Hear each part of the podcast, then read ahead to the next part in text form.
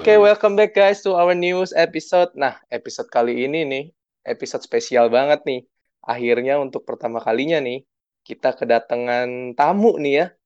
Sama untuk hari ini sih kan kita bakal ngomonginnya MMA nih. Ya, biasalah as usual kita ada Agoy, ada Oka, sama ada Abi. Nah, coba uh, Nah, ini nih salah satu uh, uh, karena beruntung Agoy dulu ini dulu pernah MMA juga ya, kali ya kehitungnya MMA ya dulu Kag gue ya. Kagak, kagak, kagak. Orang hobi doang gue. Orang Mantan hobi doang. Kickboxer loh dia. Ya, kickboxer. Alah, kickboxer. Tanah boxer. Makanya. Oke, uh, langsung aja nih uh, kita panggil bintang tamu kita kali ya dengan Mas Yoi. Muhammad Trizata sebagai MMA expert nih ya berarti ya. Wow, Boleh perkenalin diri dulu kali Mas. Yes, yes, yes. Pertama, thank you for having me nih Baro Club nih kayak seru banget. Oke, okay, uh, nama gue Zata. Uh, gue kerja di salah satu organisasi seni bela diri. No, bukan seni bela diri, organisasi bela diri terbesar di dunia lah, salah satunya ya. Uh, actually, uh, gue kerja di sana tuh gue sebagai digital media eksekutif, tapi lebih salah satu job desk gue nulis tuh. Jadi mungkin bukan MMA expert sih, tapi gue sport kolumnis aja bisa dibilang. Atau sport martial art kolumnis, ya Ekspor enggak kan? Kolumnis. Oke. Okay. MMA kolumnis. kolumnis. Ya. Tapi di mata kita lo ekspor kok bang. Dibandingin yang lain. Ah, gila, Dibandingin kita tuh kayaknya memberikan apa gitu. Expert tuh ya. Kebetulan gue kerja di bidang ini aja gitu loh. Oke. Okay. Oh. Mungkin gue bisa ngasih perspektif dikit sih. Kalau lo expert lo ada Dana White, ada Chatri Sitiotong gitu kan. Itu baru Wah itu udah jauh itu banget beda, itu. Itu udah beda lagi. Itu malah owner itu jadi jatuh. owner iya, Dana White itu owner. Ah, oke. Okay. Uh, eh, jadi gini, hari ini itu ada uh, kita mau itu sih ngobrol-ngobrol aja sih. Kalau gue sendiri kan ini eh, nggak uh, terlalu tahu banyak nih tentang MMA. Paling uh, dari kacamata orang awam aja nih yang mau gue tanya nanti. Tapi nanti untuk yang lebih mendalamnya mungkin yang lebih ke MMA-nya nanti akan ditanyakan oleh Agoy sama Oka nih. Nah, ini deh uh, pertanyaan pertama aja nih. Udah berapa lama nih uh, di bidang martial, mixed martial art nih, Bang Zata nih? Uh, Oke, okay. gue sebenarnya kalau kerja di bidang mixed martial art ya, kayaknya gue baru gue baru satu tahun tiga empat bulan, baru satu tahun empat bulan di organisasi ini ya. Tapi sebelumnya yeah. gue sempat fight di tinju amatir gitu. Uh, waktu zaman dulu gue kuliah S1, gue waktu itu sebari kuliah gue sebari fight, sebari fight di amatir gitu, di amatir yang nasional. Uh. Kadang di nasional, kadang-kadang event-event lokal juga. Setelah itu gue jadi wartawan waktu jadi wartawan juga walaupun waktu itu gue dalam job diskusi sebenarnya gue wartawan politik ya. Tapi gue sering ngasih masukan ngasih liputan ini sih ngasih ide-ide untuk liputan tinju atau MMA jadi kalau boleh cerita dikit nih uh, teman-teman di Barok waktu zaman dulu gue jadi tinju uh, waktu gue masih main tinju nih waktu zaman dulu gue suka nonton HBO 24/7 man atau Showtime Sport gitu. Dan oh, di saat yang bersamaan gue juga sering banget ke TVRI nonton tinju nasional tuh kalau zaman dulu di TVRI itu Oh iya, iya terus gue perhatiin. Benar benar benar. iya, terus gue perhatiin man zaman dulu kayak ini kenapa sih atlet di US gitu kayak ada HBO, ada uh, Showtime dia bisa bikin jadi industri yang bagus gitu loh. Maksudnya bisa dimonetizing nih industri. Tapi ketika gue ke TVRI sebenarnya fightnya ya ya jelas jelas beda sih. Tapi kok dikemasnya nggak nggak sebagus Amerika nih. Belum mungkin pertanyaan dasarnya gue kayak gitu kan nah mulai ke sini ke sini ke sini hmm. ternyata ya gue mencoba akhirnya entah kenapa jalan hidup kayak ngebawa ke situ gitu loh. Gue malah karir gue malah di bidang yang seperti itu untuk mikirin gimana lo mengemas industri ini menjadi uh, major sport di Indonesia gitu oke. Okay. so in in the marketingnya ya berarti yang dianggap kurang di Indo ya bang ya? Or ah, sebenarnya in the quality of the sport itself? Ya ini kalau gue jawab nih kita agak jumping apa? Lo mau tanya yang sebelumnya? Gak apa-apa, gue jumping uh, ini aja. Nah, ya, boleh, boleh, nggak apa-apa. Nggak apa-apa, nggak apa-apa, santai aja. Oke, jadi kalau misalkan menurut gue ya di Indonesia sendiri, sebenarnya lo bisa lihat dari behavior marketnya sih, kan. Hmm. Di behavior marketnya itu kan kita nggak punya kebiasaan kayak untuk attend sport event atau kita ngeliat nonton uh, event sport juga jarang gitu. Maksudnya dari menurut gue hmm. dari muara itu dari situ industri nggak hidup kan. Nah ketika industri nggak hidup, ketika nggak ada duit putar, ya itu uh, berimbas ke semuanya. Atlet kena, prestasi kena dan lain-lain. Gitu. Hmm, oke oke. Berarti kalau dilihat dari uh, masalah-masalah Bang Zata nih aku kayaknya bisa nih masa depannya kayak lu ya bang ya. Udah di. Udah di... Jadi gini nih, gue bisa, gua ada bisa dong, bisa dong. Gue, gak ada bang, gue ada pertanyaan bang seputar MMA di Indonesia kan. Marketnya sendiri ini gue kembali lagi ke awal ya kan tadi ke jumping, jadi gue ke tengahnya dulu. Marketnya di Indonesia tuh sebenarnya ada nggak sih bang? Yang beneran menjual layak kayak apa terlalu dominan kah dengan olahraga lain? Let's say sepak bola gitu yang ketika gue ada pengalaman magang di salah satu media untuk rubrik olahraga dikatakan porsi liputan sepak bola tuh 70% dan menurut gue gila gitu kan ya besar banget kan berarti marketnya di sini nah untuk MMA sendiri tuh berpotensi nggak sih bang untuk minimal mendekati gitu seperti itu? Oh ya enggak menurut gue sih menurut gue ya semua itu dibikin sih gak kayak kalau lu oh. baca sejarah NFL gitu. Uh, huh? apa namanya NFL di US juga. Sebenarnya NFL setahu gue juga setelah perang dunia kedua mereka baru ada. Maksudnya semua tuh dibikin. Ya ketika oh. lo punya plan strategi yang bagus organisasi lo bagus itu plannya. Lo kerja sama media partner let's say lo bikin disrupsi di dunia konten uh, oh. balik lagi kan itu kan sebenarnya lo bikin suatu niche di market intinya di di pasar yeah. gitu orang sampai mau oke okay, gue harus nonton MMA ini let's say gue harus nonton UFC gue harus nonton One Championship oh gue harus nonton Ekoroni gue harus nonton let's say Chris John gue harus nonton Conor McGregor itu kan lo bikin yeah. mas uh, itu kan perusahaan yang bikin mindset tersebut kan jadi menurutku yeah, bisa yeah, yeah. ya tapi it it takes time gitu loh lo ngerubah suatu behavior it takes time oh benar-benar hmm. oh kalau gini deh kalau uh, dari pengetahuan gue kan untuk uh, MMA ini sih uh, ada beberapa disiplin kayak misalnya boxing uh, yang dari yang gue tahu kan ada boxing Muay Thai, uh, Brazilian Jiu-Jitsu, Judo, Wrestling, Karate, Taekwondo, Capoeira, Sambo, sama Wushu, dan lain-lainnya itu. Kalau dari lu sendiri Bang, yang paling lu demen tuh yang tipe gimana Bang? Ah, oke. Okay. Mungkin martial art ya jenis-jenisnya. Kalau gue demen sih gue dulu kan start dari tinju ya. Paling demen gue tinju. Tapi kedua sekarang gue suka MMA sih, martial arts. Oh, maksudnya kan di kalau uh, gue lihat yang kemarin nih, sebenarnya kemarin tuh gue habis nonton One kalau nggak salah tuh ya. One Championship tuh yang si siapa? Uh, Eko, Ekoroni. Eko, Ekoroni. Ekoroni tuh. Yeah. Dia kan uh, base-nya kalau nggak salah wrestling ya? Iya, gulat dia. Uh, nah, itu maksudnya kan uh, untuk beberapa MMA ini kan kayak maksudnya uh, Ekoroni gulat, tapi lawannya itu lawannya apa tuh kemarin tuh dia tuh base-nya tuh? Gitu lawannya siapa sih, Bang? Boxing lawannya ya? Siapa? Atau orang Malaysia? some athlete from Malaysia. oh iya. Aduh, iya dia kan boxing ya kalau nggak salah yang gue lihat tuh. Nah, kalau di MMA ini kan gue nggak tahu banyak nih. Uh, maksudnya kalau di MMA hmm. ini tuh uh, kalau sebenarnya kayak kemarin kan kalau yang uh, main eventnya tuh kalau nggak salah Muay Thai ya. Ya. Nah, yeah, tapi yeah. kan kalau yang Eko yes. Ekoroni yang lawan orang Malaysia ini kan yang satu boxing, yang satu wrestling. Nah, MMA itu uh, gimana maksudnya untuk uh, base-nya tuh emang bebas aja atau gimana atau emang ada uh, championshipnya masing championshipnya masing-masing gitu. Oke okay, oke. Okay. Jadi MMA itu sebenarnya bebas kan. Namanya mixed martial arts, penggabungan setiap martial arts. Jadi let's say lo deh lo mau fight di MMA gitu. Uh, lo bisa silat, ya lo bisa fight di situ. Even lo jadi champion di MMA, kalau lo dengan silat lo lo bisa maksimalin itu ya lo bisa jadi champion gitu loh. Jadi hmm. intinya lo even lo nggak ikut bela diri, let's say misalkan. Ya asalkan lu bisa compete sama orang gulat yang udah bertahun-tahun, lu compete sama petinju yang udah bertahun-tahun, Brazilian Jiu-Jitsu yang bertahun-tahun, kalau lu tanpa latihan bela diri lu bisa ngalahin mereka ya bisa aja, tapi kan maksudnya balik lagi kayak dunia MMA itu kan juga industri ya, lu nggak bisa start langsung di uh, besar kayak UFC, kayak One Championship ya, lu harus start dari pertandingan amatir dulu, lu harus dilirik orang-orang ketika lu, lu ya semua ada stepnya gitu sih man, maksud gua. Hmm. Tapi ya in in mixed martial art you can use everything gitu everything martial art yeah. ya selama itu works ya lo bisa pakai itu gitu sama kan nyambung kan dikit mas... bang iya yeah. uh, sorry uh, nyambung nyambung dikit sama yang tadi ya yeah. kalau misalkan uh, bang Zata lihat um, maybe MMA yang sekarang nih yang modern days ini yang katanya uh, lebih komplit ya, lebih komplit dan lebih banyak skill setnya dibandingkan MMA pas masih zaman 2000-an awal sama 2000-an pertengahan itu yang mungkin masih specialized.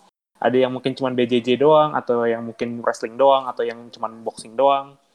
Sekarang banyak yang bilang katanya MMA is more complete sport karena mereka udah uh, master in different kind of disciplines ya.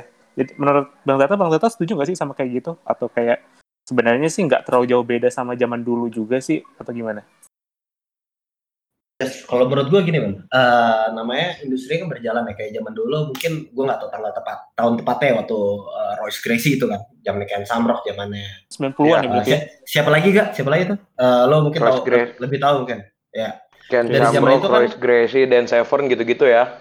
Tahun hmm. 93 itu startnya. Yes yes nah itu kalau lo lihat itu kan uh, tadi kayak yang lo bilang setiap atlet uh, datang dari disiplin spesial yang satu doang kayak boxing lawan gulat Nah, at the end sekarang semua komplit. Nah, menurut gue itu lu udah kebentuk patternnya. Jadi da dalam uh, berapa rentan tahun sekitar 20 tahun ya hmm. patternnya udah terbentuk. Jadi ya ketika lu mau juara di MMA udah kelihatan yang juara let's say uh, Habib gitu. Oh berarti lo harus bisa semuanya, ground lo harus bagus, uh, striking lo udah harus bagus gitu, atau George St. Pierre gitu, let's say. Hmm. Gue itu udah udah terbentuk patternnya. Ketika industri baru kan lo belum kelihatan tuh. Semua orang bisa nyoba. Yeah, yeah. Ya oh ya kan? iya. Jadi gue gitu. sekarang itu sebenarnya ya makin mateng ya. Hmm. Jadi ya sekarang ya UFC juga udah mulai fighter-fighternya yang terutama yang top rank itu udah banyak yang bisa uh, dua atau tiga disiplin of martial arts ya berarti ya kayak Adesanya juga uh, kemarin ya sebelumnya pure kickboxer terus lebih itu sekarang dia udah lebih uh, multidimensional fighter juga ya dan Iya sih, gue juga setuju, gue juga setuju tuh sama katanya Bang Zata kayak sport itu juga pasti kan evolusinya berkembang waktu demi waktu gitu kan ya. Jadi kayak pasti udah nemuin formula-formulanya buat jadi champion dan caranya ya seperti kata Bang Zata tadi tuh harus bisa in harus bisa lebih dari satu karena nggak bisa juga sekarang untuk fighter one dimensional untuk dominan di UFC atau di organisasi mana pun sih itu. Yes, bang, gue mau ini nih. Mau mencoba mengalihkan switch gear dulu kita ya. Gue mau membacain dosa-dosa teman-teman gue di sini nih. dosa-dosa. Waduh, bener tuh dosa-dosa. Mik mik miknya nyalain dulu ya pada ya. Ini kita bahas ke UFC nih bang. Eh, doa ibu berkah, mik anda nyala, tolong, woi. abi nih, Abi nih. Nyal nyalain, nyalain, bi, nyalain, bi. Iya. Yeah. nih teman gue yang satu ini beberapa minggu lalu bilang bang, buat menurut dia Israel Adesanya tuh fighter biasa aja bang. Nah, tolong diberikan jawabannya bang, tolong. Kasih paham oh, kalau menurut gua, menurut gua Israel Adesanya keren banget sih. Soalnya kalau lu lihat ya, itu dia kayak yeah. ini bagi gua ya, bagi gua dia tuh kayak yeah. new wave of kickboxing dari New Zealand gitu. Kayak sebelumnya mungkin Tuh. yoga kayak lo ngikutin Muay Thai ada Muay Thai kan dulu yeah. ada dua dua polarisasi bukan dua polarisasi ada dua yang terkenal kan Thailand sama Dutch boxing ya. Nah, nah semenjak betul. Oh, yes, sekarang semenjak si Israel, si Alexander Volkanovski, Kai France, uh, gue lupa, khusus. Iya, eh, Kai Kara France. Yeah. Kai Kara France, dan lain-lain. Yeah. Mereka dari City Kickbox ini, gue lihat mereka ngebentuk suatu apa ya, suatu wave nih, suatu ombak yang berdisrupsi gitu. Ibaratnya kayak, hmm. wah ini kalau anak-anak New Zealand nih kayak Volkanovski, kayak Israel, skillnya kayak gini-gini nih. Jadi menurut gue mereka yeah. menarik banget sih. Kayak ada sekarang, oh New Zealand fighter gitu. Oke. Okay. Berarti sudah patah ya dosanya Abi udah dihapus. Nih, gue sekarang ke Oka, Bang. Oka bilang ya, tapi ini menurut beberapa... gue kan gak tentu benar juga, men. ya. Dibandingin pendapat mereka benar loh, Bang. Ini menurut Oka nih beberapa minggu lalu ya. Oke, okay, oke. Okay. Oka bilang oh, dua kali title defense, Israel Adesanya will be one of the goats katanya bang, one of the greatest of all time. Eh sorry, gue gue mau koreksi dikit tuh, gue mau koreksi dikit statement gue. Enggak, nggak bisa, nggak bisa dikoreksi, enggak, enggak, nggak bisa, udah, udah itu udah terekam ya, saksi banyak nih. lu, lu saksi udah banyak. statement gue, gue. Enggak, enggak, enggak bisa. Ya, kan gimana ya, makanya. Dari dari Bang Zatanya yeah. gimana nih? Apakah benar-benar Adesanya bisa jadi one of the goats nih? Dengan dua kali title defense, Bang.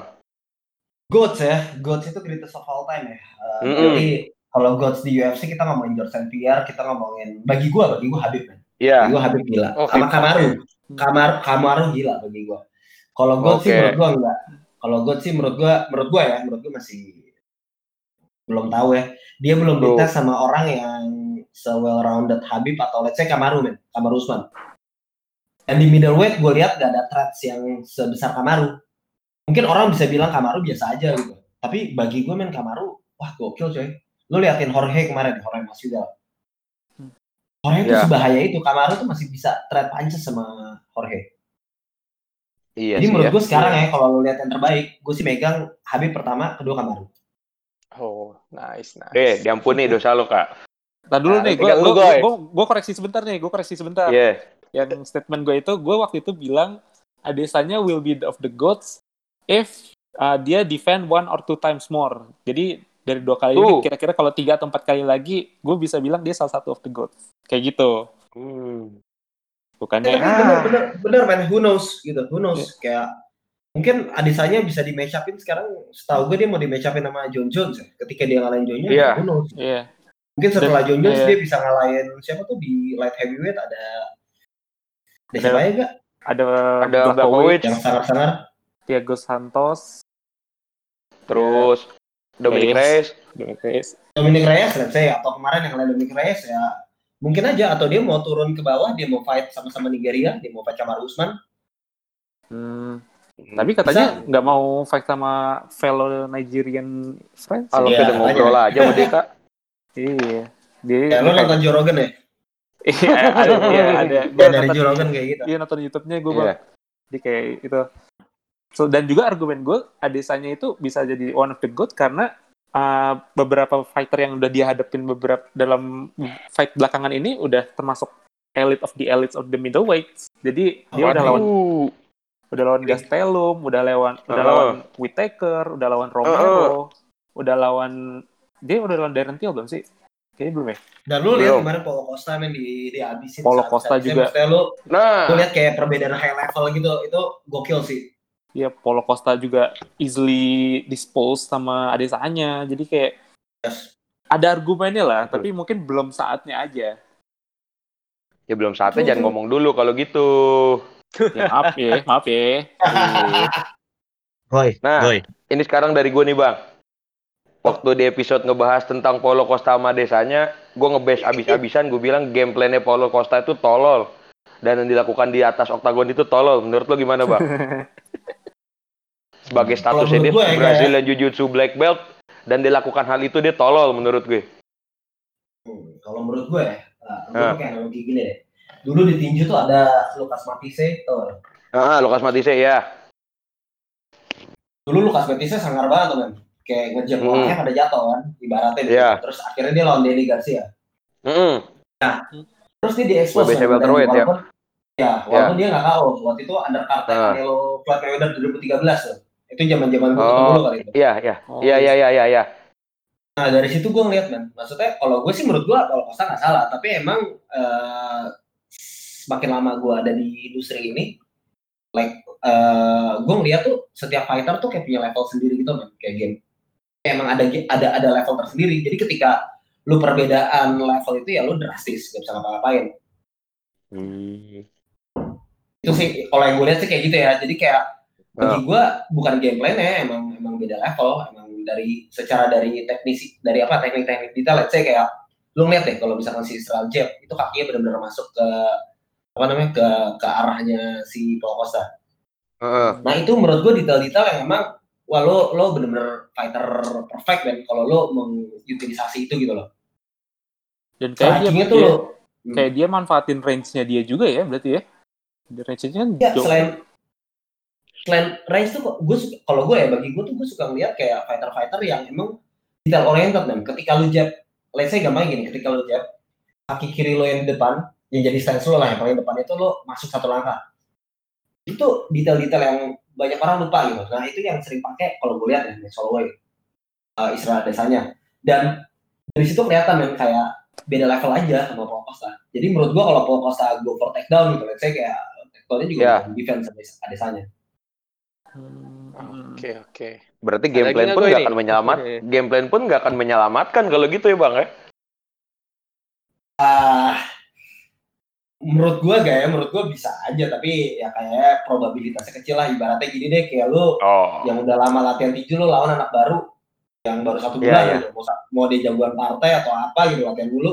Tapi kan lu udah tahu ibaratnya lu udah tahu celah-celahnya main, main tinju tuh gimana ah, iya iya iya. Ya bisa aja. Tiba-tiba lu lagi kiri nyangkut ke rahang lo lo jatuh kan bisa aja men tapi kan yeah. probabilitas itu dapat tuh kecil banget gitu kan iya betul Atau, betul betul betul betul tapi lo kalau Habib gitu ya lo bisa aja menang Habib misalkan keceklek terus pas lo uppercut rahangnya nyangkut gitu kan lo ya bisa aja tapi kan itu kemungkinannya satu banding seribu juta gitu kan nah menurut gue sih kayak gitu aja sih gak Jadi semakin yeah, level yeah, yeah, yeah. semakin tinggi, ya menurut gue probabilitas untuk si bawah ini untuk menang ya susah. Hmm. Dan berarti okay. benar ya undefeatednya Paulo Costa undefeated Israel Adesanya tuh beda iya ya karena 100 fight overall as a kickboxer and mixed martial artist sama 13 ya kak ya? Uh, siapa? Costa 13 kan sebelum Costa, lawan Adesanya? Costa 13, Adesanya 19. Sebelum Iya, 19. Fight. Uh, berarti kan 14 fight tuh. 14 fight Costa seumur hidup ya. Berarti itu hasilnya ya. Belum matang aja kali kayaknya. Mm -hmm. Oke, oke. Uh, ini nih, Bang, uh, kan uh, udah setahun empat bulanan lebih ya sebagai MMA kolumnis nih ya, kehitungnya nih. ya. Nah, perbedaannya wow. dulu sebelum corona sama sekarang corona tuh yang kerasa banget apa tuh, Bang? Dari segi apa nih? Dari segi apa? Segi apa bu gue kira-kira gue? Mau bahas dari segi apa? Lo mau ngomongin dari segi industrinya atau bekerja sebagai industrinya atau lo sebagai atlet? Ya mungkin gue bisa ngasih perspektif. Sebagai gitu. industri kali ya. Iya. Dari industri. Soalnya kalau dari ya? Enggak, soalnya kan kalau dari gue sendiri kan yang gue uh, tahu banget, yang gue lihat itu kan UFC sendiri, UFC sendiri kan juga jadinya ribet banget tuh harus yang di uh, pulau gitu kan. Nah, kalau dari lu sendiri tuh uh, perbedaan lu selama setahun ini yang sebelum corona sama sesudah corona nih uh, apa gitu untuk di industrinya okay. itu sendiri? Gadet, gadet gua gua Oke. Okay. Jadi uh, gue bisa bilang ya kalau menurut gue pribadi nih UFC tuh untung men. Dia tuh uh, headquarternya di US dan semua fighternya di US ketika nah US itu nggak ada travel ban ya kan? Oh iya iya iya iya. Ya lo lo lo lo datengin let's say lo bikin fight di Apex Apex ya sebutannya di Las iya, Vegas. Iya, iya sih Apex. Ya, lo Apex, mau dari ya. Yes mau dari New Jersey, mau dari San Francisco, mau dari Orlando, Florida ya lo tinggal datang aja. Nah itu menurut gua eh, uh, apa namanya sport league di sana NFL, NBA, UFC itu dapat advantage lah ketika corona ini. Maksud gua kayak bukan kayak dapat advantage ya, tapi mereka nggak sesulit sport league yang ada di Asia. Saya kalau lihat sendiri Asia parah memang saya Amerika juga parah tapi Asia travel banded semua. Travel band semua. iya benar. Itu yang menurut gue bikin susah di Asia 56 negara men band, band kita iya oh, iya benar sih nah, nah dan ini kan juga itu ya, ya sorry ya Allah nggak gue gue nggak apa-apa nggak apa Nggak apa parah lo parah lo kak Wah, parah nih Okta emang nih, aduh. Santai men, gue santai banget. Enggak, tidak sengaja, tidak sengaja motong aja. Eh, oke oke. Lanjut lagi bang, gimana bang? Iya, lanjut lagi aja. Oke. Okay. Jadi tadi oke. Okay. Jadi menurut gua ya kalau dari industrinya, menurut gua uh, untuk comeback dengan major event susah. Itu untuk sport league itu, tapi uh, balik lagi uh, sport league yang ada di Amerika itu menurut gua dapat keuntungan lebih ibaratnya lebih mudah deh dari ada yang di Asia gitu. Jadi di Asia ini harus menghadapi travel ban Nah itu, nah dari dari decision itu menurut gua runutnya panjang tuh jadi atlet jadi nggak bisa tanding, pelatih jadi ya ibaratnya nggak dapat duit tambahan, manajer juga, jadi kan itu terefek ke segala lini yang berhubungan sama sport industri kan. Itu sih menurut gua. Jadi emang uh, sambil nunggu vaksin yang nggak tahu kapan nggak tahu kapan keluar ini dan juga uh, kapan kita bisa kembali ke normal, menurut gua setiap sport event harus bikin close event gitu, harus bikin close gimana pun caranya, atlet harus tetap main Soalnya kalau enggak ya mereka enggak, ya mereka selain mereka nggak punya nggak dapat pendapatan ya, mereka juga kualitasnya berkurang men. Dan intinya menurut gua nih, sport industri itu harus ngebuat atletnya seperti superstar. Jadi tuh atlet harus kemakan market men. Market tuh harus kayak aware kayak wah gue pengen nih jadi kayak Chris wah gue pengen nih jadi kayak uh, Habib gitu. Nah, ketika lu nggak punya atlet yang kayak gitu ya, sport industri susah untuk monetize. Saya kan monetize ketika ada orang-orang kayak gitu. Iya, iya, iya. Hmm. Oke, bener sih bener. Hmm. Nah, ngomongin soal monetize atlet, Bang. Dari negara kita tercinta tanah airku Indonesia ini, menurut lo yang paling potensial tuh siapa sih, Bang? Selain Rudy Ahong Gunawan sama Theo Ginting yang di One Pride kemarin. Yang viral karena comeback itu. Ah, iya, iya. Ya, uh, siapa ya? jujur gue belum tahu sih gak maksudnya menurut gue Indonesia kayaknya kalau dari MMA kan mereka lagi growing ya maksudnya uh. dari segala macam leg-nya tuh uh, setiap hmm. kita lagi lagi berusaha untuk untuk bersaing di kancah global dan jadi yang terbaik ya. Jadi yeah. gue belum tahu sih siapa. Dan oh. maksudnya gue gue respect mereka semua, mereka semua lagi berusaha keras dan soalnya uh, eh, gue ngerasain sendiri kan dulu ya, walaupun uh. gue cuma fight, ya ibaratnya gue gak pernah lah fight di internasional gitu. Di nasional gue juga cuma beberapa kali kan, Jadi atlet itu berat banget kan. Dan gue kadang-kadang gue oh. bayang gitu kayak wah ini orang harus ada depan sama orang-orang Dagestan gitu ya dari kecil emang udah gulat udah totok di negaranya atau lo kehadapan sama orang US yang memang US tuh dari kecil udah diarahin di satu sport gitu ada NCAA yeah. atau apa jadi yeah. ya tough for them gitu loh untuk untuk bersaing di situ tapi gue sangat respect gitu mereka semua lagi berjuang jadi siapa pun yang bisa sih ya ya ya gue gue ngasih kemungkinan sama siapa aja yang bisa ke, ke arah sana sih gue belum tahu siapa dan menurut tadi lo bilang ke Theo Mahong, menurut gue Theo Mahong pintar banget buat marketingnya. Maksud gue selain mereka mereka berdua berskill ya, tapi itu yeah. hanya uh, industri MMA bisa ngedistrupsi konten. Jadi waktu mm-hmm. uh, kejadian Theo Mahong, orang-orang yang nggak tahu MMA itu kayak kadang-kadang nanya ke gue gitu, lu lu lihat Theo Mahong nggak gila nih trash talking gimana gimana. Dan menurut gue itu bisa uh, yeah. bisa mata semua orang yang sebelumnya nggak nggak MMA. Jadi it's, it's very good move for industri MMA menurut gue. Oke. Okay.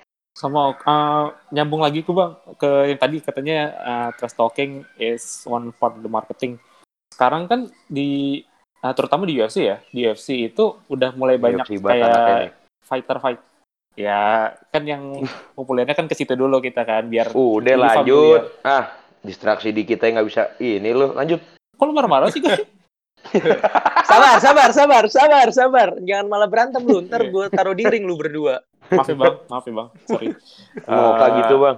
Jadi kalau uh, di UFC sendiri kan kayak udah mulai banyak kayak bukan fenomena sih, tapi kayak udah mulai banyak wave yang fighter-fighter yang awalnya nggak kelihatan kayak mereka tuh tipe-tipe yang trash talking, tapi sekarang kayak mereka mulai coba trash talking, tapi kayak mungkin audience nggak terlalu connect sama trash talkingnya mereka gitu bang.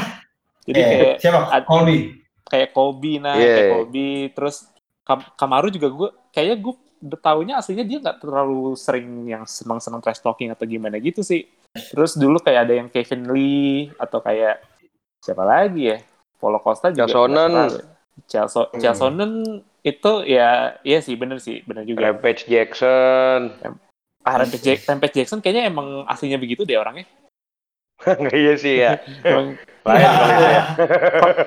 Kalau menurut Bang Zata gimana sih tuh kayak mulai banyaknya fighter yang mencoba trash talking untuk marketing diri mereka? Apa itu bagus untuk bisnis, bagus untuk mereka atau kayak itu sebenarnya mereka cuma ikutan trennya Conor doang atau Chelsonen dan sebagainya zaman zaman dulu? Uh, menurut gue pro con sih bro. Maksudnya, uh, let's say kayak gini, salah satu industri ya, salah satu uh, revenue dari uh, di sini ada yang ada ada yang sempat tahu revenue stream gitu di perusahaan. Wah, Abi oh, nih. Oh, eh, Bi, gua, oh, gua, iya, iya. kalau oh, stream gue pernah lihat sih perusahaan. Okay. Oh iya. Kenta, Abi ngerti lah. Ya, let's say, let's say salah satu spot link itu kan sebenarnya advertising. Salah satu main main apa ya, main, main income itu kan dari advertising. Nah, terkadang kayak gini juga, Bro. Uh, Trash hmm. itu bagus ya. Jadi orang tahu gitu kan. Tapi terkadang banyak let's say gini, si Sportlink ini kan pasti menjual tayangan mereka, atlet mereka ke brand ya banyak juga kalau misalkan brand lo itu kebanyakan yang trash talking, ini brandnya nggak banyak mau, soalnya terasosiasi terasosiasikan sama kekerasan gitu. Oh. Okay. Itu juga sih. Jadi menurut gue pro cons, maksudnya ya sisi baiknya man, trash talking tuh one of the way untuk lo dapetin exposure sebesar besarnya bro. Hmm. hmm. Siapa yang nggak mau ngeliat orang tabok-tabokan, tipukan gelas gitu kayak kandung yeah. bias kan? Siapa juga? yeah. ya kan? orang yang nggak suka ribut kayak wah anjir seru juga nih ya tapi di satu sisi juga konsep menurut gue di situ menurut gue ya uh, yang gue lihat kayak gitu iya dan juga dan okay. kayaknya juga di trash talk trash talk itu juga kayak banyak yang artifis kayak katanya artifisial gitu sih ya kayak tipe-tipe yang aslinya orang nggak gitu tapi ya mencoba untuk kayak marketing diri mungkin kayak Content. mereka ya mereka melihatnya kayak kalau gue marketing diri gue dengan kayak bikin kontroversial diri gue karakternya kayak Kobe atau karakter-karakter yang lain mungkin mereka bisa dapat kayak push in terms of booking ya. Bisa booking juga iya yes yes yes. Gue setuju bang. Uh, yeah. Jadi ya kayak, pasti pasti dong. Soalnya uh, soalnya kan ya, pasti si organisasi ini uh, seseorang dengan dengan demand kan. Balik lagi dengan kalau lo ngomongin bisnis ya demandnya market semua kan. Ya ketika orang mau lihat Colby sama Kamaru gitu ya pasti dibikin dong. Hmm. yes. menurut gue ya ya benar-benar kalau untuk marketingin setiap atlet menurut gue itu bagus. Tapi kalau tadi yang ke brand yang tadi gue jelasin menurut gue sih ada konsep itu sih. Ya, selama de okay. uh, ini Dana White lihat duit apa aja pasti ya dipromosiin buat dia. Ya nggak gue pasti Su sih. Sujon kan sujon kan. Emang. Sujon kan okay. biasaan kan. Nih bang mau balik ke dalam negeri lagi nih bang nih. Siap. Kan gue pernah sering lihat beberapa ini nih untuk MMA itu uh, itu uh, celebrity fight ya kalau nggak salah banyak tuh ya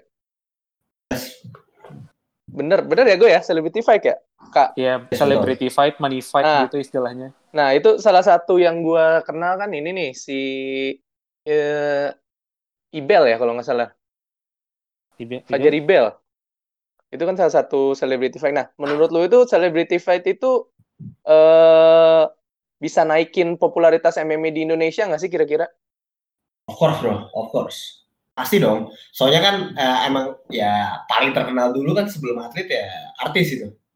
Artis kan udah punya masa uh, punya masa sendiri kan punya market. Jadi ketika tuh artis apalagi apalagi menurut gue bagusnya kan si artis itu market yang ngikutin biasa si artis yang ngikutin MMA jadi ibaratnya kalau ada celebrity fight ya tadi ya dia nggak pernah tahu apa itu MMA sehingga ini nonton dulu kan. Nah ketika dia udah nonton kan ada dua pilihan nih mau lanjut nonton apa enggak kalau dia lanjut nonton ya bagus dong maksudnya MMA semakin besar gitu hmm iya sih nah ini ada ini hmm. nih ada pertanyaan titipan nih dari temen nih.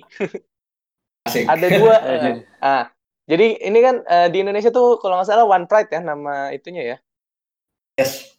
Uh, ya yang di uh, salah satu TV swasta itu. Nah dia itu kan uh, banyak fighter-fighter uh, karena kan fighternya tuh banyak dari hampir semua di Indonesia atau semua di Indonesia. Gue nggak tahu sih itu sih.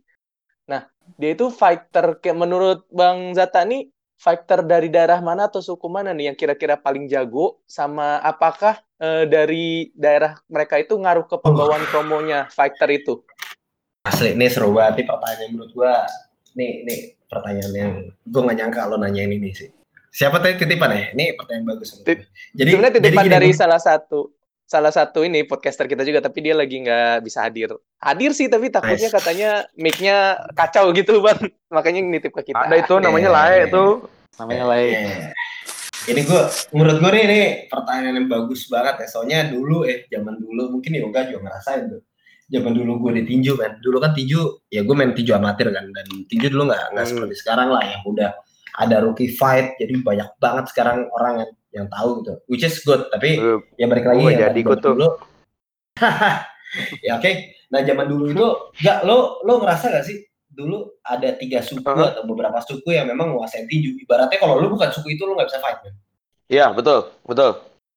Ya, betul. nggak usah sebut lah. Ya karena kita yeah. terlepas dari sarah maksudnya ya, hmm. ya suku beberapa suku di timur dan suku yang ada di barat banget gitu ya.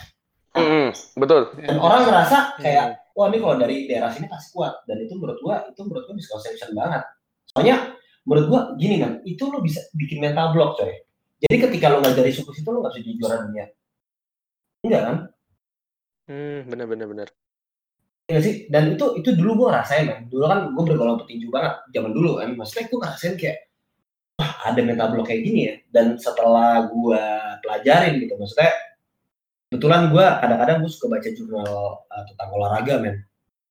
Jadi huh? uh, eh, gue nonton gue baca jurnal kayak penelitian-penelitian kampus gitu. Jadi gue kadang kayak sekarang gue juga lagi ikut ini nih apa namanya out of topic dikit gue lagi ikut penelitian gitu loh for paper gitu lah nah, jadi oh omongan gue maksudnya intinya gue ngasih tau itu based on jurnal ya.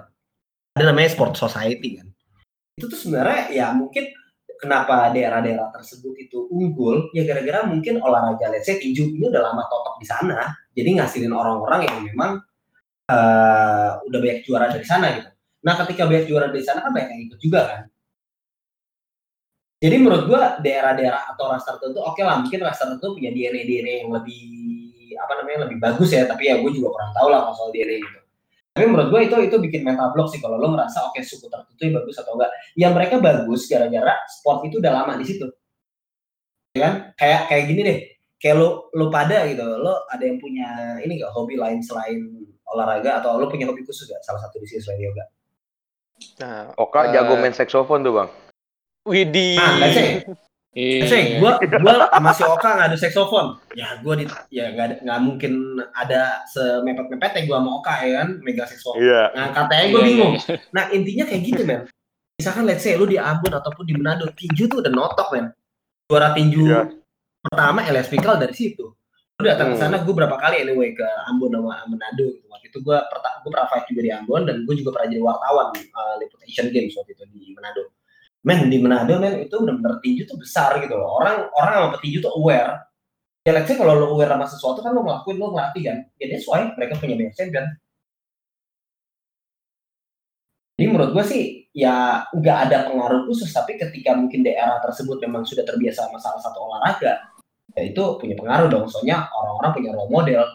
Itu sih. Nggak jawab pertanyaan lo kan iya iya iya kayak basket di Amerika sepak bola di Inggris berarti gitu ya bang atau sepak bola di Brasil gitu. Atau Filipina deh basket. Ah Filipina dan hmm, basket gitu ya. sih benar sih. Paham benar. Filipina tuh basketnya. Walaupun sebenarnya kalau dicari Oka main one on one di Filipina juga masih bisa menang lah lawan beberapa banyak orang. Cuma ya karena Filipina oh, match iya. basket jadi ke sana anjing lawan orang Filipin pasti gue kalah gitu. Iya. Yeah. kan hmm. nah, itu yeah, itu yeah, mental yeah. block itu sih men yang menurut yeah. gue harus dihilangin deh untuk setiap atlet mental block oke okay. uh, nyambung dikit ke Lanjut. apa namanya ke profesinya Bang Zata sendiri kan apa ya, kita bilangnya apa nih kolumnis or is jurnalis expert expert expert oh expert ya expert oh, bukan ya. bukan gue bukan expert ya gue gue sebagai kolumnis ya lo lu, lu jangan misleading pekerjaan orang gue. Dibandingin lo, lo pada expert kan gue bilang. Iya tapi kan e, udah. kan punya statusnya sendiri gak apa-apa. Oh kalau position gue, uh, kalau kalau job job apa maksudnya? Kalau job position gue bukan kolumnis sih gue sebenarnya yang tadi sempat gue jelasin ya gue di kita media eksekutif gitu kalau job. Tapi mungkin kolumnis kan lebih ya lebih lebih sering diundang kan. Tapi dan kolumnis itu kan sebenarnya kan orang yang suka nulis dan kebetulan gue sering nulis soal ini jadi menurut gue bisa lah gitu kolumnis hmm. berarti bang okay, okay, selama jadi MMA kolumnis itu kayak pernah punya pengalaman unik apa sih? Selama dia selama jadi MMA kolumnis selama satu tahun empat bulan terakhir itu kayak apa yang pernah dirasain? Atau kayak pernah uh, interview sama fighter? Atau punya kayak uh, hubungan khusus sama fighter gitu kayak deket jadi teman-temanan atau gimana? Aduh. Uh, gimana ya? Oh pengalaman paling gue seru ya waktu itu iya. jadi uh, tempat tempat gue bekerja gitu kan bikin event di Tokyo kan. Tahun lalu hmm, nih pasti hmm. uh, tiga hari lalu. Oh, tahun lalu tapi tiga hari lalu tanggal 13 gitu kan. Iya. Nah waktu itu tuh yeah. sebelumnya itu lagi ada Typhoon Hagibis bro, tau gak lo? Jadi tanggal 12 sama tanggal 11 tuh ada Typhoon Hagibis itu Typhoon yang gede banget kan yang waktu itu di setiap stasiun TV di Jepang tuh bilangnya wah ini bakal jadi Typhoon terbesar sepanjang sejarah men. Wah itu men lo kalau lihat uh, dari hotel gue buka kaca nih jalanan kosong tuh angin bener-bener buset kayak angin topan gitu men kayak film-film. Itu sih mungkin kalau dan dan kerennya pada tanggal 13 kantor gue tetap bikin tuh fight coy Hmm, hmm. Ya mungkin kalau pengalaman uniknya itu ya, tapi kalau yang tadi lu tanya lu pernah uh, berteman sama fighter uh, inter fighter siapa ya itu menurut itu kerjaan sehari-hari sih kan. Maksudnya kita kan bikin story tentang fighter, uh, bikin entah itu hype-nya, entah itu feature tentang kehidupan dia. Ya pastilah, gue juga pasti punya teman-teman nama fighter juga gara-gara uh, apa namanya kerjaan gue sebagai kolumnis. Tapi sebelum dari kolumnis sih beberapa atlet ini uh, emang gue sempat kenal sih Hmm. Oke. Oke, oke. Kenta mungkin? Ah, uh, gini bang, uh, iseng aja sih gue iseng. Uh, kan petinju dari Indonesia tuh ada dua yang paling terkenal nih sampai ke dunia nih, uh, Elias Pikal sama Chris John ya. Hmm. Nah, kira-kira kalau mereka MMA itu jago gak nih kira-kira? Nah, menurut Yoga gimana? Ya, gimana tuh gue, ayo lo gue. Ayo, lo gue ini ekspornya. Coba gue. Gue takut Om Chris John-nya denger. Bener dah. Ntar kan disamper nggak enak. Kan pendapat oh, iya, doang, sama, goy.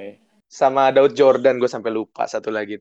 Gimana nggak apa-apa, gue Ngomong aja, gue nggak enak. Tapi ya, tapi ya, gue seingat setahu gue sih Chris John itu, Om Chris John itu berangkatnya dari wushu deh, kayak sebelum dari sebelum dia ke boxing. Iya nggak sih bang? Baru tahu gue sih itu. Enggak, ya, gue yes, betul betul. Iya kan? Betul.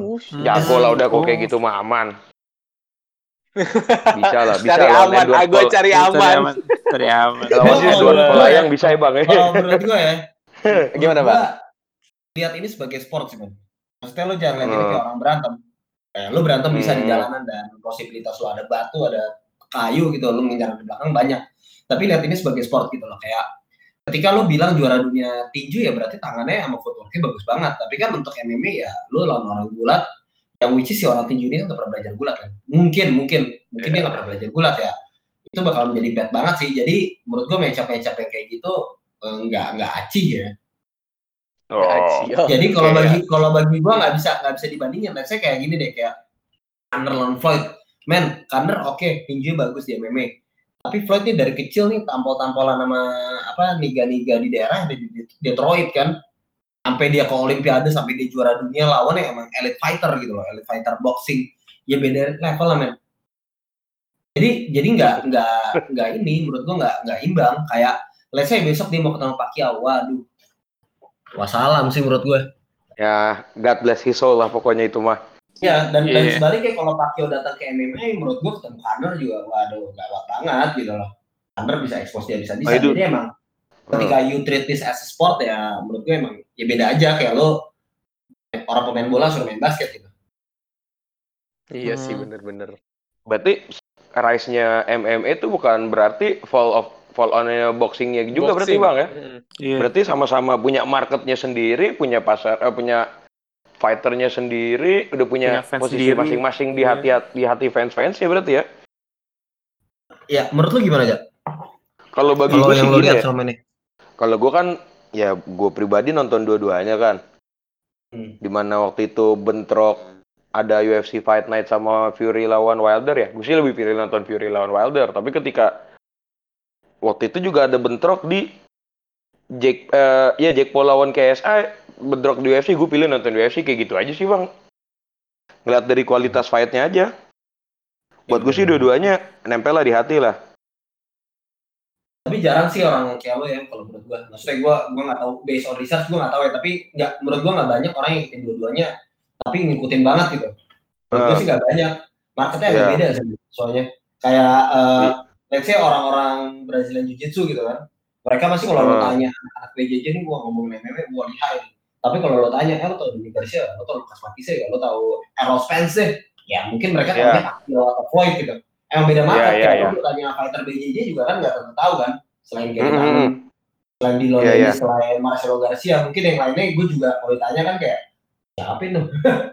Iya. ya, kayak gitu nah. aja sih. Iya, iya, iya. Oke. Ini nih, mau balik lagi deh ke uh, internasional nih. Uh, dari Bang Lai juga nih uh, nanya lagi nih dia. Kan ada isu katanya bakal replay match Mayweather lawan McGregor di Octagon. Kira-kira menurut Bang Zata bakal kejadian atau enggak nih? Waduh, gue no comment sih, Ben. Gue nggak tahu sih soal itu. Itu menurut gue emang based on money aja sih. Jadi itu udah bukan murni prestasi atlet sih. Kayak, oh. ya itu kan cross cross sport gitu kan. Kayak, ya mungkin lebih ke Mayweather promotion mereka mau nyari duit atau apa. Gue nggak nggak paham sih kalau yang cross sport sport gitu ya. Hmm. Justru ya sih kayak lo uh, lo ngeliatnya bukan atlet banget. Gue sih ngeliatnya gitu sih kalau udah crossfit oke okay lah. Ini ini mau nyari market market ini nih market market yang orang-orang yang biar yang harusnya nggak nonton MMA atau tinggi jadi jadi nonton gitu. Soalnya kalau ketika waktu Mayweather lawan Mayweather ya waktu itu kalau gue berarti orang-orang yang legit ya, legit di boxing atau legit di MMA, mereka nggak bisa tahan bro nonton gituan. Hmm, oke. Okay. Justru malah yang Mereka lebih lebih dekat itu ini ya, bukannya McGregor sama Mayweather, tapi malah McGregor lawan Pacquiao kemarin. Whatever it is, man. Ketika ketika crossfit, menurut gue tuh buat orang-orang yang emang ngikutin MMA atau tinju banget, mereka pasti kayak tahu ini, waduh nih agak-agak trik-trik bisnis doang nih gitu loh. Bukan murni sport, man. Bukan murni kayak lu nonton Habib sama Justin Gaethje gitu yang emang lu nggak tahu ya siapa yang bakal menang gitu. Mm. yang emang lu bakal nikmatin teknik dari kedua atlet tuh nikmatin atletnya banget gitu loh sisi sisi sportnya banget tapi ketika Mayweather lawan Pacquiao. Eh sorry Mayweather lawan Pacquiao. Mayweather lawan Pacquiao itu kan kayak lebih banyak intriknya ya kalau bagi gue ya. Lebih banyak yang off the ringnya ya berarti. Kayak promosi promosinya mungkin ah, dibandingkan. Yes. Yes. Ah. Nah nyambung okay, nyambung okay. nyambung lagi tadi tuh kayak uh, tadi kan bang Zata ngomongin tentang Khabib versus Geji tuh. Kan itu bakal ada bulan tanggal berapa sih gue Khabib versus Geji Gue Aku emang hilang mulu nih. Aku, aku kayaknya lagi, lagi lagi beneran ledeng kayak balikin lagi. Uh, lanjut ini. lanjut. Gimana? Minggu depan di, lah. Minggu depan. Di UFC dua lima dua lima empat ya bang ya berarti ya dua lima empat dua lima empat ya dua lima empat.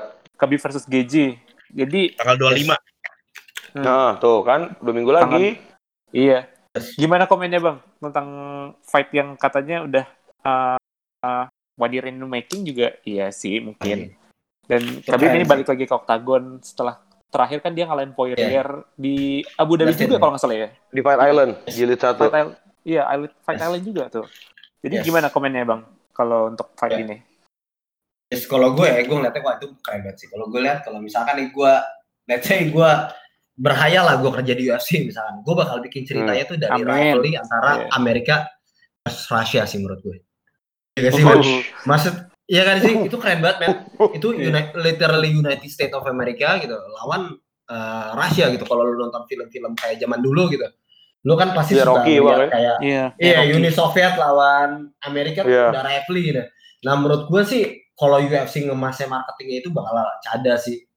Bakalan menurut gue, wow, story behind itu ya benar-benar kuat banget. Rusia lawan Amerika gitu. Dan Gaethje gue liat, wah ini orang gila bro. Ini orang menurut gue legit sih emang waktu dia lawan Tony Ferguson tuh dia ngasih lihat apa ya, pukulan yang sangat presisi dan hmm. uh, leg kicknya hmm. juga bahaya banget ya walaupun ya lo tau Habib lah Habib one of the best uh, yeah. greatest of all time gitu ya menurut gue one of the best sekarang pound for pound Habib tapi tapi uh, terlepas dari Habib bakal dominasi menurut gue ini keren sih latar belakang ceritanya tuh dapat banget gitu hmm. jadi menurut okay. Bang Zata bakal gimana uh, decision atau ada finish nanti? Ya, kalau dari fightnya gimana bang? Menurut lo, apakah Apa ini fight, biggest ya? test biggest test of Khabib atau ini cuma another day in the gym atau gimana nih? Hmm, gimana ya? Aduh, uh, kayaknya uh, 60-40 sih gue kan. Lo soalnya Geichi tuh uh, kita ngomongin Geichi kan dia gulatnya juga legit ya guys gulatnya yang legit sebelum UFC dia gulat banget walaupun di UFC dia nggak pernah pakai kemampuan gulatnya takedown yeah. defense-nya gue rasa bakalan bagus terus kalau kita ngomongin fight uh, lo tau Kamaru itu kan berpindah pelatih kan sama si Trevor Whitman sekarang? Iya nggak sih oh, kalian udah pada tahu gak? belum. Kenapa kenapa? Kamaru Usman itu kan pindah pelatih sekarang sama Trevor Whitman sama pelatih Justin Gaethje deh. Semenjak oh, fight kemarin tuh waktu lawan Korea baru tahu nih. Pokoknya baru tahu gue Nah, dia pindah pelatih, man. Jadi oh. kenapa pindah pelatih? Mungkin gue kasih backstory dikit ya. Jadi Kamaru itu kan mau dipasangin sama Gilbert Burns sebelumnya. Nah, Burns ini yeah. tuh satu camp sama Kamaru sama Henry Hoof gitu. Di One Championship oh. tuh juara-juaranya banyak di Henry Hoof soalnya. Martin juga yeah, yang yeah. Oke, let's say uh, Kamaru pindah lah sama Getting Gaethje. Nah, menurut gue gini loh. Berarti si Gaethje ini prepare nih, man. Dia kan pasti latihan dulu nih sama Kamaru. Dan lu tahu gue Kamaru seenggak-enggaknya ya mungkin gak sebagus Habib tapi yeah. ya lu lu latihan takedown defense dari takedown Kamaru sih menurut gua keren sih kan. Mm-hmm. Hmm. Lu lihat Tyron Woodley ya dibanting kan sama Kamaru. Iya iya iya. Abis single leg dia bagus. Uh, jadi ketika uh. si Gaethje ini bisa ngelakuin takedown defense ke Habib, wah menurut gua dia punya chance buat menang sih. Tapi kalau itu kalau ya. itu pas ya. Iya. Tapi gini sih, gue ngeliat dari Khabib ya. Khabib kan itu timnya kalau di Amerika kan AKA bang ya. Iya. Yang di mana dari heavyweight nemu ke middleweight juaranya ada semua lah dari situ. Ya, Daniel Cormier, ya. Chen Velasquez, Luke Rockhold, Khabibnya sendiri gitu. Itu bakal jadi faktor juga gak sih bang buat Khabib kok secara secara setiap hari dia ketemu yang begitu-begitu kan monster-monster itu semua. Of course, tapi Khabib uh, buat fight ini setahu gue dia latihan di Uni Emirat Arab nih. Si Javier oh. Fernandez ke sana. Jadi dia oh. latihan sama Dagestan Dagestan. Hmm. Oh, sama Eagles MMA timnya dia berarti ya dia nggak ngebawa EKE untuk kali ini. Uh, eh, gue nggak tahu ya dia ngebawa apa enggak, tapi kan pelatihnya si Javier, uh, Javier siapa namanya? Javier, Javier Mendes. Ya, Javier Mendes ya. Javier Mendes. Javier Mendes, Javier Mendes, benar. Javier Mendes. Dia datang ke hmm. Uni Emirat Arab setahu gue. Hmm. Ya, itu pasti pengaruh sih. Ya maksudnya kalau kita ngomongin takedown Khabib udah gila dan Dagestan juga yeah. strikernya bagus-bagus juga. Betul. Tapi ya kalau Habib menurut gue udah susah sih diomongin kayak dia udah udah perfect gitu ya. Tapi dari sisi ini nih menurut gue bisa kita ambil celah dari eh, bisa jadi pembahasan kita bisa menarik kalau kita lihat dari gajinya. Kalau dia latihan sama oh. Kamaru dulu, let's say dia bisa bisa nge-defense takedown Habib deh. Wah itu. Iya iya. Ada sih men. Tapi kalau dia nggak oh. bisa, ya udah. Udah ya, ya udah. dicok men. menurut gue dicok. Another, another story for the other day, berarti ya. Ya, rare naik cok ronde tiga kalau menurut gue. Tapi kalau dia bisa defense, oh, gue nggak tahu tuh. Hmm. Bakal berbeda tuh cerita. Gue Berarti akan ya, lebih kira-kira. seru ya. Ya, kalau kalian menurut kalian gimana? Kalau gue bilang sih, ya otomatis kalau dari rating fightnya sendiri, bukan rating jumlah penonton ya, tapi kualitas fightnya akan lebih di atas dari lawan McGregor sih, udah pasti. Hmm. Sama dari, apalagi dari pas lawan Poirier kemarin. Apa? Dari fightnya gimana menurut lo? Ya bahkan berjalan akan lebih seru akan lebih seimbang ketika dibanding mereka apa ketika dibanding sama fightnya McGregor lawan Khabib atau Khabib lawan Dustin Poirier yang menurut gue one sided dua-duanya. Ini akan lebih seru sih. Jauh. Kalau prediksi hasil gue gimana gue Hah? prediksi hasil, hasil. Prediksi hasil langsung gue tembak ya. Iya. Yeah. biar serem aja biar serem. Ah unanimous decision lah Khabib Oh, udah ya, berarti. Hmm. Ya. Ya, we'll see, we'll see nih. We'll see. Gue balik kan lagi prediksi kan ronde 3 buat Habib udah naked choke atau kalau Gaethje bisa take down ya menurut gue bakal ada KO sih. Oh, oke. Okay. Bisa take down defense ya. Menurut oh, gue bisa bisa ada KO. Soalnya kan for um, 4 win terakhirnya Gaethje juga kan dari KO juga kan KO TKO dan dap kayaknya dia dapat performance of the night terus nggak sih kayaknya? Atau oh, iya. Eh GG yes. GG ya. Jadi makanya namanya highlight reel highlight reel. Yes.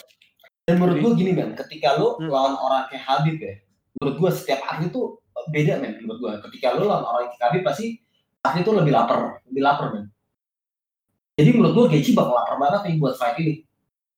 Hmm. iya kan? Iya, lo iya. lawan orang sangat legit tuh pasti kayak gitu men pasti secara mentality kayak dia bakal ngelakuin apa aja whatever it takes kalau gue kalian orang nama gue di sejarah dunia kan apalagi GJ masuk ke fight ini sebagai underdog kan ya? Sebagai underdog yes, dan jangan remehkan underdog sih. Gue selalu suka cerita iya. iya. Kayak kemarin juga GJ lawan Ferguson juga dia sebenarnya underdog juga kan? Dia underdog juga terus begitu ternyata dia bisa ngalahin Ferguson yang katanya bakal mau lawan Khabib. Yang katanya udah kena kutuk gitu katanya gue ya udah kena kutukan berapa kali dia cancel fightnya antara Ferguson sama Khabib ya? Yes.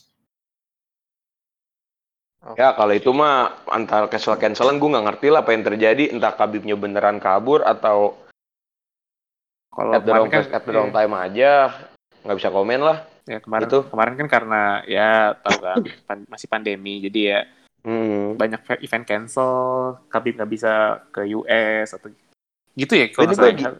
Iya, Khabib. Jadi kalau alasannya Khabib katanya fightnya sama Tony Ferguson yang akhirnya diganti Dustin Poirier itu dia dibilang eh sorry sorry sorry Dustin Poirier lawan eh Khabib lawan Tony itu harusnya katanya di Dubai katanya kata Khabib tapi ternyata di booknya di US makanya akhirnya Khabib setelah di Dubai dia kena travel ban nggak bisa keluar jadinya UFC ngepuk buat Tony Ferguson lawan Justin Gaethje gitu.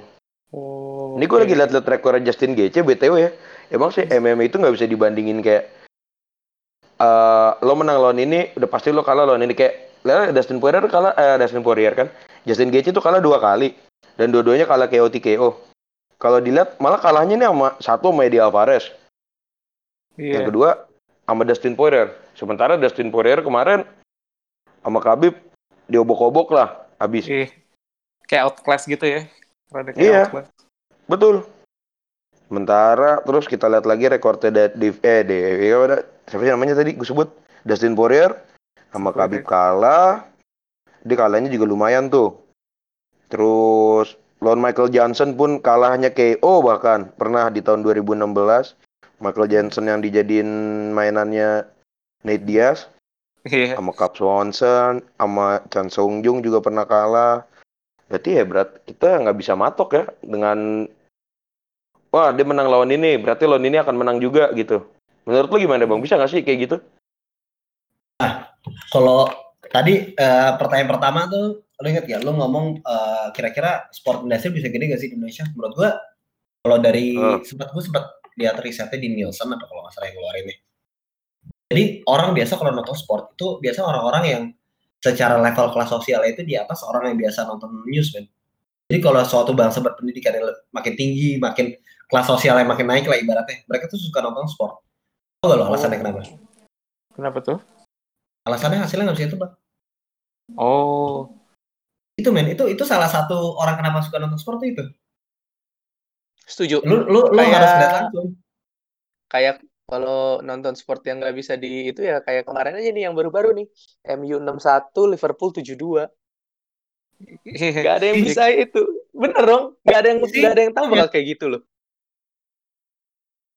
Itu kayak faktor-faktor utama uh, dari sport deh. Kenapa ditonton ya itu? Nggak bisa itu bang ah ya bener.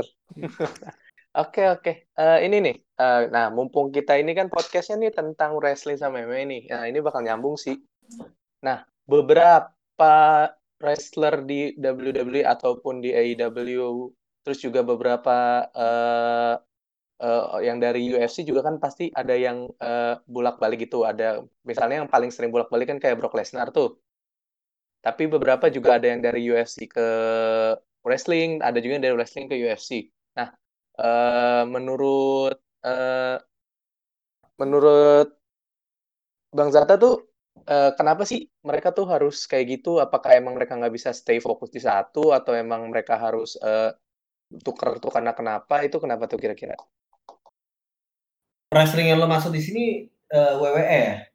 WWE ya, dan iya ya, organisasi WWE. lain sih, ya organisasi lain. Ya, organisasi.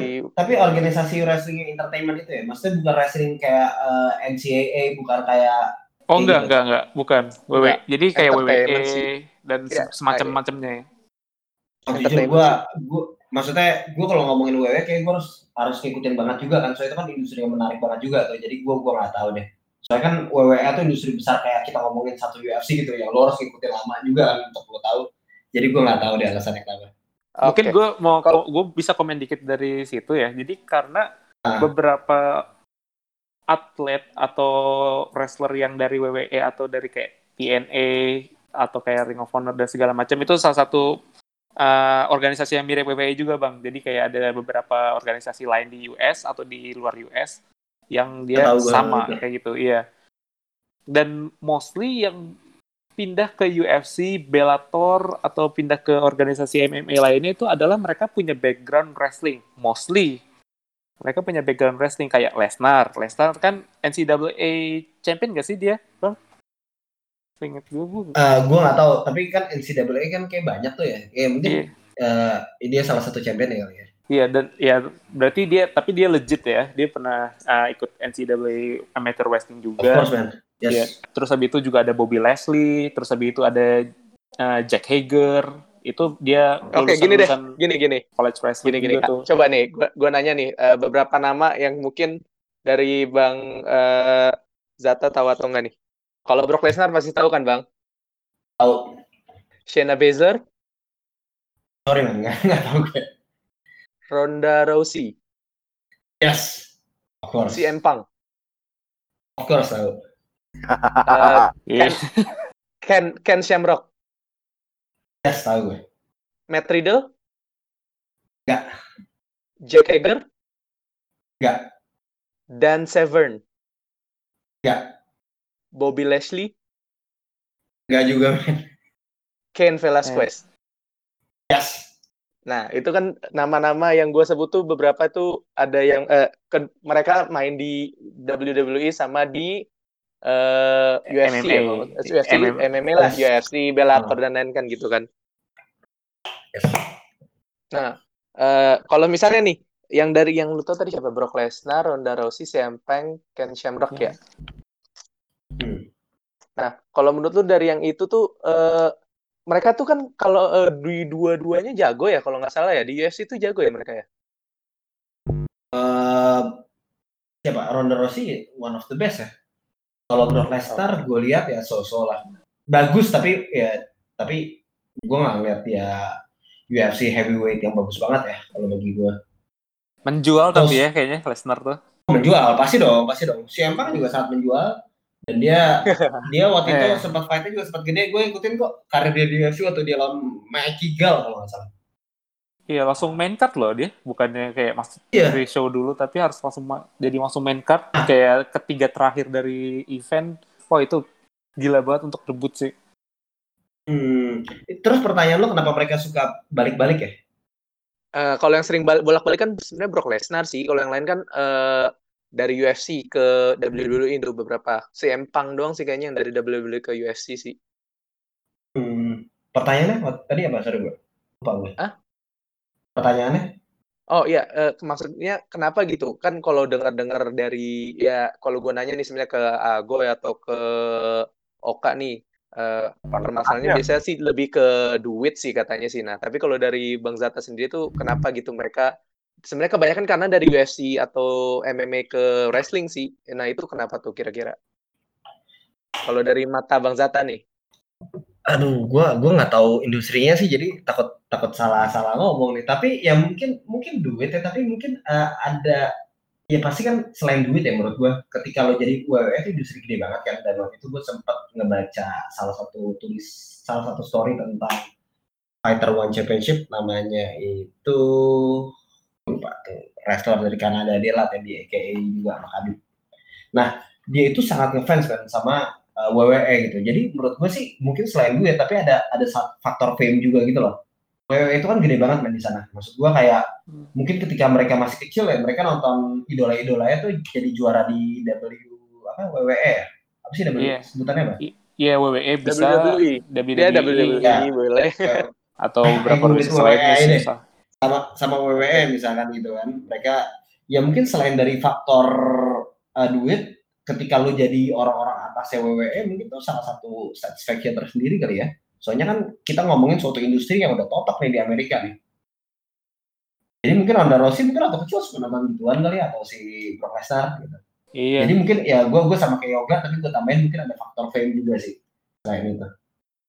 Kalau Rousey sih karena dia eh, dia kan soalnya idolanya salah satunya kan kalau di pro wrestling Rowdy Roddy Piper ya. Rowdy Roddy Piper. Nah, nah makanya nama julukannya Rowdy Ronda Rousey kan. Rowdy, oh. yes, yes. Nah, mungkin alasan dia kenapa mungkin dia dari... ke WWE itu dia ya karena dia pernah suka pro wrestling, dia mungkin udah melihat dia nggak terlalu bisa bersinar lagi di MMA dan dia masih ada popularitas ya udah pindah aja ke WWE.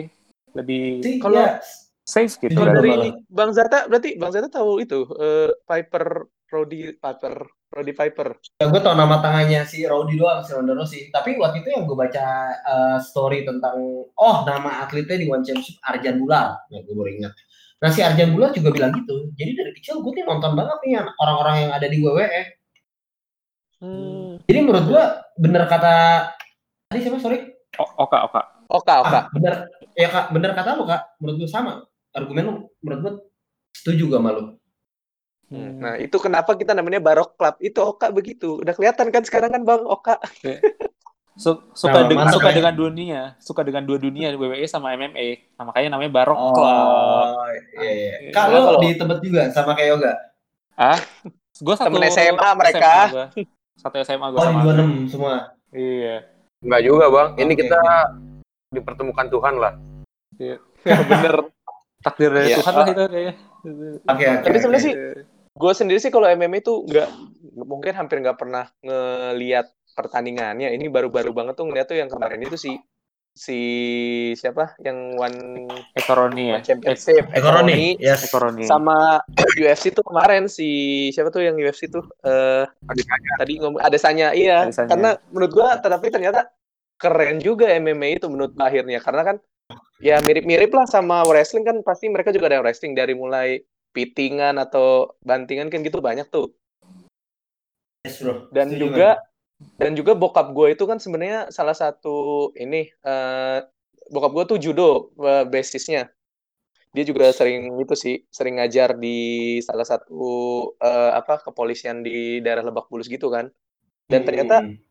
gue yang dari dulu sebenarnya nggak suka banget sama mixed martial art gue tuh tipe orang yang kalau sport itu pasti harus ada yang ada yang ada bola. Semua tipe sport itu gue pelajarin. Mulai dari basket futsal sepak bola sampai handball pun gue pelajarin. Tapi ternyata makin ke sini mungkin gara-gara gue nonton WWE gue mulai rasa wah ternyata mixed martial art tuh asik. Selain untuk WWE ya padahal awalnya gue nggak pernah suka. Ternyata emang uh, wow banget gitu loh mixed martial art itu kalau dilihat. Apalagi kayak kemarin gue baru pertama kali nonton Eko Roni maksudnya uh, uh, uh, salah satu yang dari Indonesia tanding itu dari uh, jabnya itu uh, kelihatan banget padahal dia tuh kalah rich tapi dia bisa kayak langsung uh, ngeituin lawannya tuh kayak keren banget gitu sih. Kalau dari gue sih gitu sih keren sih untuk MMA sendiri sih. Iya men, uh, Ekroni tuh uh, kita harus saksiin terus tuh. Mungkin dia someday bisa bisa menjadi salah satu atlet teratas di divisi flyweight ya, one. Amin. Kalau Amin. Di divisi flyweight one sangar-sangar men. Ada Demetrius Johnson soalnya kan. Wow, gue jadi pengen ah, lihat tuh kayaknya. Kalau lo atau Demetrius Jansen mungkin Yoga bisa jelasin tuh siapa Demetrius Jansen. Ah, tapi gini deh, uh, satu pertanyaan nih. Uh, kalau berarti kan uh, lu bang udah merhatiin kayak uh, lumayan lama nih MMA misalnya. Menurut lu salah satu legenda MMA Indonesia siapa nih bang? Francino Tirta menurut gua. Siapa? Francino men, Francino. Dia sekarang Oh, Francino Tirta. Tahu gue. Iya, iya. Ah, jadi uh, gue dulu sempat sparring dulu tahun tahun 2013 sama Francino. Tapi dulu sebelum gue ya sparring sekali doang sih, men. Tapi emang dia dia senior gitu lah, bener.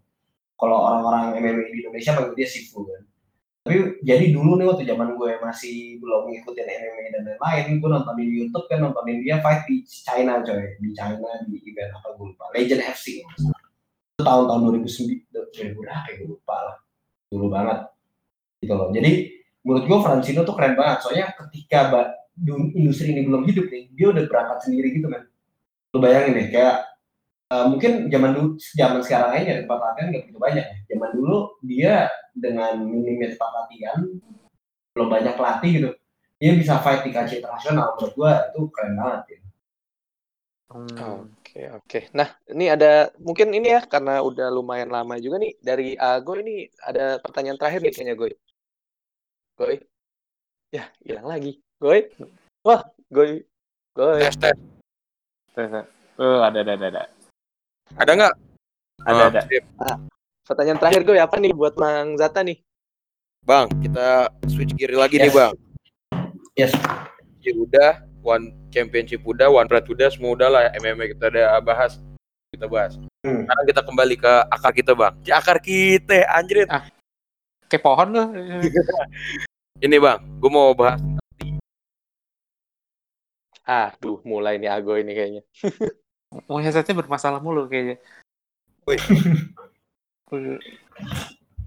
Atau mau Oka aja yang nanya kak? Iya, mungkin. Uh... Gue, bentar, bentar, aku nih, gimana gue? Belum. Ya, gak keren, ya gak keren keren Headset uh, lu bermasalah gue. Gini, uh, gue aja deh, gue dari gue aja. Untuk ya tadi kayaknya tadi uh, gue sempat mau nanya tentang boxing, boxing dan MMA iya. juga ya dan sempat ada kayak mungkin agak heran gitu sama uh, teman kita. Sebenarnya Valdo ini sebenarnya pertanyaan titipan sih jujur jujur aja. Uh, kenapa sih boxing eh boxer sama MMA uh, fighter itu kayak ada jedanya antara fight dia pas mungkin beberapa dalam bulan ini atau ke bulan ke depannya itu kenapa bisa ada jeda yang lama? Kalau mungkin untuk boxing sama MMA kan circumstancesnya beda ya bang ya. Berarti kalau boxing karena mereka punya asosiasinya beda-beda sama kalau MMA mungkin karena nggak nemu fighternya. Menurut hmm. uh, bang Zata tuh sebenarnya karena apa sih yang bikin mereka fighting yang nggak bisa kayak rutin sebulan sekali sebulan sekali gitu? Oke lo ngomongin di Indonesia berarti ya? Iya ini seru nih ini bisa satu topik sendiri nih. Iya, everywhere deh, everywhere aja. Indonesia aja deh, gampang okay. ya. industrinya bro nggak jalan bro. Iya. Industri nggak jalan, menurut gua. Ya MMA sekarang one track menurut gua ya bagus banget ya. Mereka menurut gua bener-bener uh, ngebangkitin MMA lokal Indonesia gitu. One track ya. Ya itu ketika yang lainnya menurut gua ya kan gini men. Nah itu mungkin sport management di Indonesia belum berkembang sih. Intinya kayak gitu. Kayak ketika lo mau develop suatu sport, berarti kan lo ngedevelop kayak ngeliat perusahaan gitu loh menurut gue manajerial manajerial di uh, sport league ya itu belum belum banyak yang profesional gitu kan. Yang bisa punya bisnis model untuk ngembangin tuh industri berjalan gitu. Ya bisa aja satu bulan sekali tapi apakah punya duit untuk menyelenggarakan pertandingan? Apakah yang operasi yang mereka lakukan itu operasional yang mereka lakukan bisa balik modal? Itu itunya sih bro. Hmm. jadi balik lagi ke industri ya men. Dan atlet itu semua dari industri. Ketika sport league lu besar kayak NFL ya lu bisa bikin kayak Tom Brady kayak Odell Beckham Junior kayak Habib kayak mungkin di One Championship ada Demetrius Johnson gitu. Ya lo industri dulu industri nyala atletnya juga nyala gitu. Prestasi juga naik. Tapi ada ngaruh ke ini juga nggak sih? Kayak uh, healing dari uh, fight sebelumnya tuh ada ngaruhnya juga nggak? Oh maksudnya uh, setiap maksud lo organisasi yang nggak bisa tiap bulan nyarin apa atletnya nih Uh, sorry, hmm. tadi pertanyaan gue tadi sebenarnya lebih kepada kayak kenapa kayak fight, uh, let's say Habib ya, Habib fightnya beda ada jarak waktu satu tahun oh, sekali. Oh sorry sorry, iya, yeah, yeah, ada jarak. Gue kira kenapa? Yeah. Uh, oh kalau itu emang emang ini sih men, soalnya kan ini olahraga bahaya. Hmm. Yang kita ngeriin itu kan pendarahan otak. Kalau lu sering-sering fight ya, gini men, lu fight aja, itu training camp lu tuh gila-gilaan coy, latihannya kayak mau perang tabok-tabokan kanan kiri dan lain-lain. Iya. Kalau lo fight fight sering gitu, ya hancur lah men. Iya. Soalnya juga, iya, soalnya juga ada fighter yang mereka take 14 days notice kayak ada Gilbert Burns, kemarin juga ada Kamzat Chimaev tuh yang dia nantangin fighter-fighter di welterweight gara-gara dia menang tiga kali beruntun in four months kalau nggak salah gue lupa. Jadi mungkin yes. uh, mungkin si Valdo agak anehnya karena fight kenapa ada yang bisa fighting in uh, one month span atau ada yang three month span atau bahkan kayak Khabib contohnya kayak one year itu mungkin dia bingungnya agak di situ kali ya. Mungkin kalau dari Khabib itu kayak orang-orang kayak Khabib itu suka ditaruh emang fightnya nggak banyak. Kayak kalau lu lihat dulu Floyd Mayweather ya di tinju deh. Dia tuh fight cuma di dua tanggal doang. Yang pertama itu tanggal Cinco de Mayo Mei ya kalau nggak salah ya. Yang kedua itu yeah. di Independence Day of Mexico Oh. Nah, okay. itu fight pasti di dua dua dua tanggal itu doang lo tau uh, Mayweather lah sebesar apa di boxing. Ya soalnya atlet-atlet besar kayak gini dia mau naik, emang organisasi juga meng mengeksklusifkan dia. Ya kalau sering-sering tanding ya eksklusif dong. Oh, oke oke oke oke. Tapi emang selain dari itu, setahu gue ya, setahu gue di tiga MMA emang ideal ya, setahu gue setiap organisasi berbeda sih uh, aturannya. Uh, tiga bulan sih spannya, jadi emang biar atlet bisa rehat dulu gitu. Hmm, oke. Okay. Kan? Hmm, oke. Okay. Mungkin ya itu sih kayaknya udah satu jam juga nih kita nih dari tadi ngobrol nggak kerasa ya. ya kalau ya, kalau ngobrol gitu kayak nggak kerasa soalnya kayak kita iya, nyantai-nyantai. Ya mungkin kalau dari oke okay, uh, oke okay, sebenarnya sih udah bahas sebenarnya mungkin ada masih banyak pertanyaan sih mungkin dari kitanya juga atau dari podcaster kita yang lain atau mungkin dari yang nanti dengerin juga kalau mungkin ada pertanyaan lain kali kita undang lagi oke okay kali ya Mas Zata ya oke okay, oke okay, oke okay. siap siap siap thank you for having me anyway mantap ya. untuk yang uh, ini mau nanya-nanya atau apa nanti ke Bang Zata kalau sebenarnya Bang Zata datang lagi bisa bisa ke mana nih kak? Habis. Enggak. Iya. Yeah. Jadi habis uh, gue, udah mau kelar gue. Udah mau kelar. ya. Mik gue baru bener. Iya. Oke. Okay. Ya udah. Oke. Okay. Jadi, Jadi kalau mau nanya-nanya bisa DM oh, ya. ke mana kak? Bisa Jadi, DM, oke okay, ke uh, Instagram gue ada sih M Rizata at M M R I Z T H A tapi gue gue oh. jarang main sosmed sih. oh, Oke, okay, nggak apa-apa. Okay. Nah, berarti kalau yang mau follow bisa okay. follow di situ atau nanya DM. Nah, tapi kalau misalnya emang katanya kan gak main selalu main sosmed, bisa sosmed, bisa tanya ke Instagram kita di mana kak? Ya, jadi yang mau nanya-nanya tentang MMA atau mungkin nanya-nanya selain MMA kayak uh, wrestling atau gimana, itu bisa langsung ke IG kita di Barok Club Worldwide Podcast atau kita bisa cari aja di barok.club b a r o c k dot club. Dan jangan lupa Instagram. kalau mau menghujat dan mengirim kritik ke Instagram at Muhammad Barokah. Barokah. ya, Muhammad Barokah. Itu jangan terima kritik dan saran. Iya. Oke, makasih banget nih Bang Zata. Pribadi. Thank you banget Bang. Thank you bro. Thank, Thank you. Thank you banget Bang Zata udah you, mau datang di uh, podcast kita nih hari ini nih ya. Oke oke oke nice nice nice. Kapan kapan kita ngobrol-ngobrol lagi ya. Kapan boleh nanti kalau siap siap. Kita ngopi-ngopi lah nih. Oke, okay, mantap. Oke, okay, okay. uh, eh, mungkin segitu aja dari kita uh, untuk episode kali ini. Thank you udah dengerin. Goodbye everyone.